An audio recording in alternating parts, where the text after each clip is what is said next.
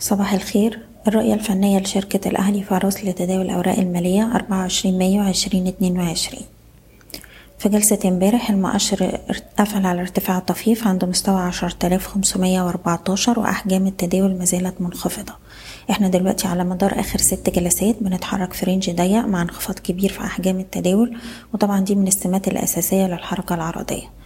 بقى عندنا ال high بتاع آخر ست جلسات عند خمسمية وتمانين بقى trigger بالنسبة لنا على ال short term وبالتالي اول اشارة إيجابية تظهر في حالة نجاح المؤشر في اختراق المستوى ده الأعلى بأحجام تداول أعلى نسبيا من اللي كنا بنعملها خلال الست جلسات الماضية ومع طبعا زيادة في عدد الأسهم الصاعدة. في الحالة دي ممكن نشوف ارتداد وهيبقى عندنا مقاومات عند العشرة سبعمية وليه مستوى آلاف وتسعمية. طبعا عندنا منطقة الدعم الرئيسية بتاعتنا عشرة آلاف وربعمية عشرة آلاف ميتين وتمانين. طول ما إحنا فوق المنطقة دي ممكن نشوف استمرار لمحاولات الارتداد.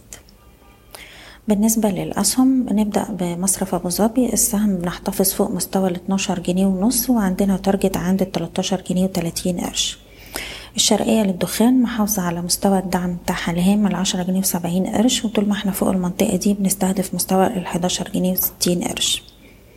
المجموعة المالية هرمس بنحتفظ فوق منطقة الدعم الرئيسية ما بين أربعتاشر ونص أربعتاشر جنيه وتلاتين قرش وشايفين من هنا السهم يروح يجرب على مستويات الخمستاشر جنيه ستين وستاشر جنيه وستين قرش.